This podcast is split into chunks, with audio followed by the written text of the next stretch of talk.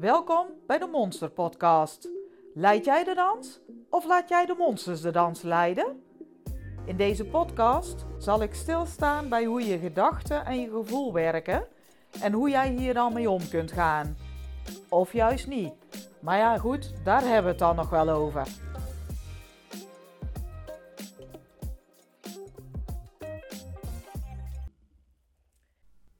De Monster Podcast van deze week gaat over jaloers zijn. Want weet jij wanneer jij jaloers wordt? Ik stel in deze keer heel veel vragen zodat je daarover na kunt denken.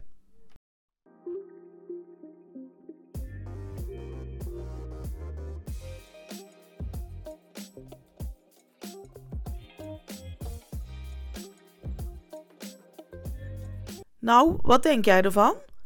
Ben jij wel eens jaloers?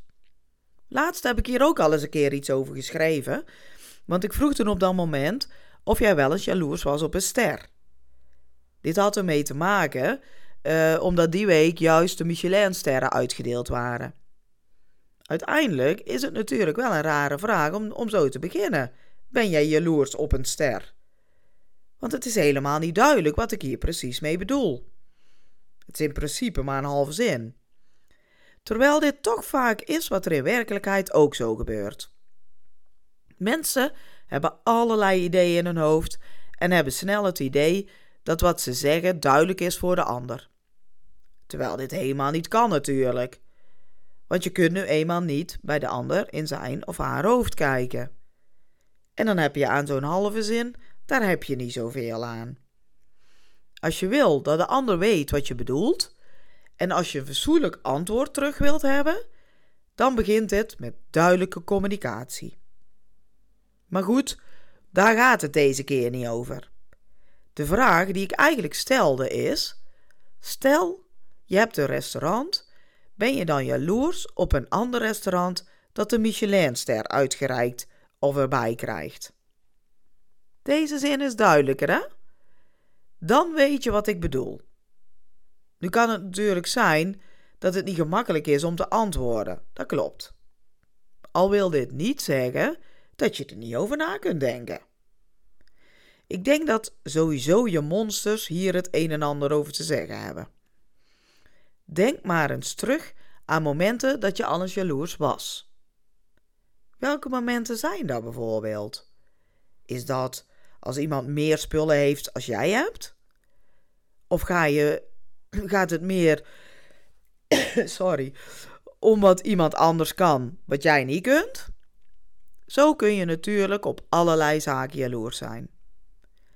Wat hebben je monsters op die momenten te melden? Neem dit mee. Het is niet altijd zeker dat je in de gaten hebt dat er in, in jezelf een jaloers gevoel opkomt. Soms merk je wel op dat er iets in je verandert en kun je niet achterhalen waar dit vandaan komt. Je monsters zullen ook wel eens iets te melden hebben, al doe je er dan verder niet zoveel mee. Dit heeft ook wel te maken met het feit dat we gewoon maar doorgaan op de automatische piloot, zonder na te denken of stil te staan bij wat er gebeurt. We merken wel iets op, maar doen er dan verder niks mee. Je kunt dan bijvoorbeeld kortaf reageren naar anderen toe. Of je wordt boos. Je gaat huilen. Of wat dan ook. Als je dan doorgaat, weet je het de volgende keer nog niet. Dus sta daar nou eens bij stil. Kijk goed om je heen wat er gebeurd is. In welke situatie je dan bent. En wat vind je daar dan van? Ja, heel veel vragen, hè, dat weet ik. Alleen dan kom je wel dieper in je kern. Want wat maakt nu dat je je bijvoorbeeld verdrietig voelt? Voel je je alleen? Voel je je niet gezien? Voel je je aangevallen? Het kan echt van alles zijn. Kijk even naar welke behoeften je hebt en wat je nu prettig zou vinden. Alles is goed, hè? Dus ben eerlijk naar jezelf toe. Anders kom je er nooit uit.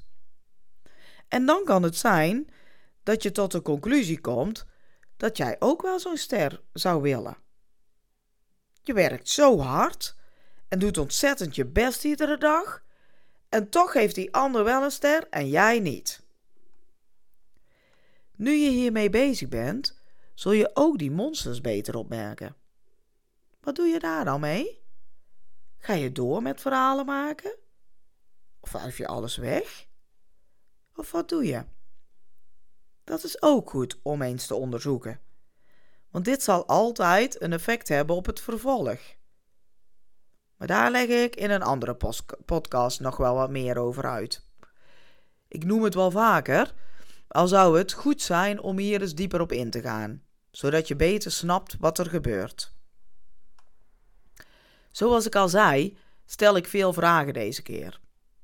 Want ook hier, in dit vervolg, kun je heel veel vragen stellen. De ander kan een ster krijgen. Maar waar heeft hij nou mee te maken? Wat of hoe doet diegene iets waardoor hij recht heeft op deze ster? En ook, wat doe jij waardoor je de ster nog niet hebt? Kun je hem überhaupt wel krijgen? Heb je daar de kwaliteiten voor? Heb je de apparatuur die mogelijk hiervoor nodig is? Zo kan ik nog wel even doorgaan. Ik kan altijd en overal wel vragen bij blijven stellen. Echt doorvragen om tot de kern te komen. Als ik dan terugkom op communicatie, welke zo belangrijk is, daar is vragen ook een belangrijk onderdeel. Je kunt beter vragen stellen dan iets melden bij de ander, of iets mededelen, of alleen informatie geven.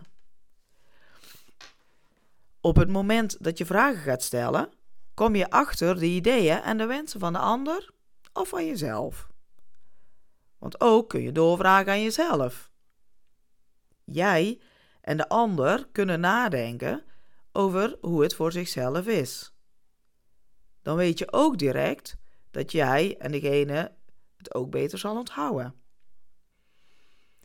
Ik weet niet hoe het bij jou is, maar als je alleen info krijgt en je hoeft er zelf niets mee te doen, dan ben ik in ieder geval de draad zo kwijt. Dan hoor ik het wel en pik ik het ook echt wel op, toch ben ik het altijd weer zo vergeten. Als ik er zelf over na moeten denken, dan blijft het hangen. Dan komt, als ik het eh, ja, weer vergeten ben, zeg maar, dan komt het er later nog wel eens voorbij fietsen. Maar als ik er echt zelf over nagedacht heb, heb, dan leeft het meer, zeg maar. Onthoud dit als je met jezelf en anderen contact hebt. Ben duidelijk en stel vragen. Ik zal ook nog even terugkomen op het jaloers zijn. En hier hebben we het dan alleen om het jaloers zijn van jezelf, want met de jaloersheid van een ander, daar kun je niet zoveel mee.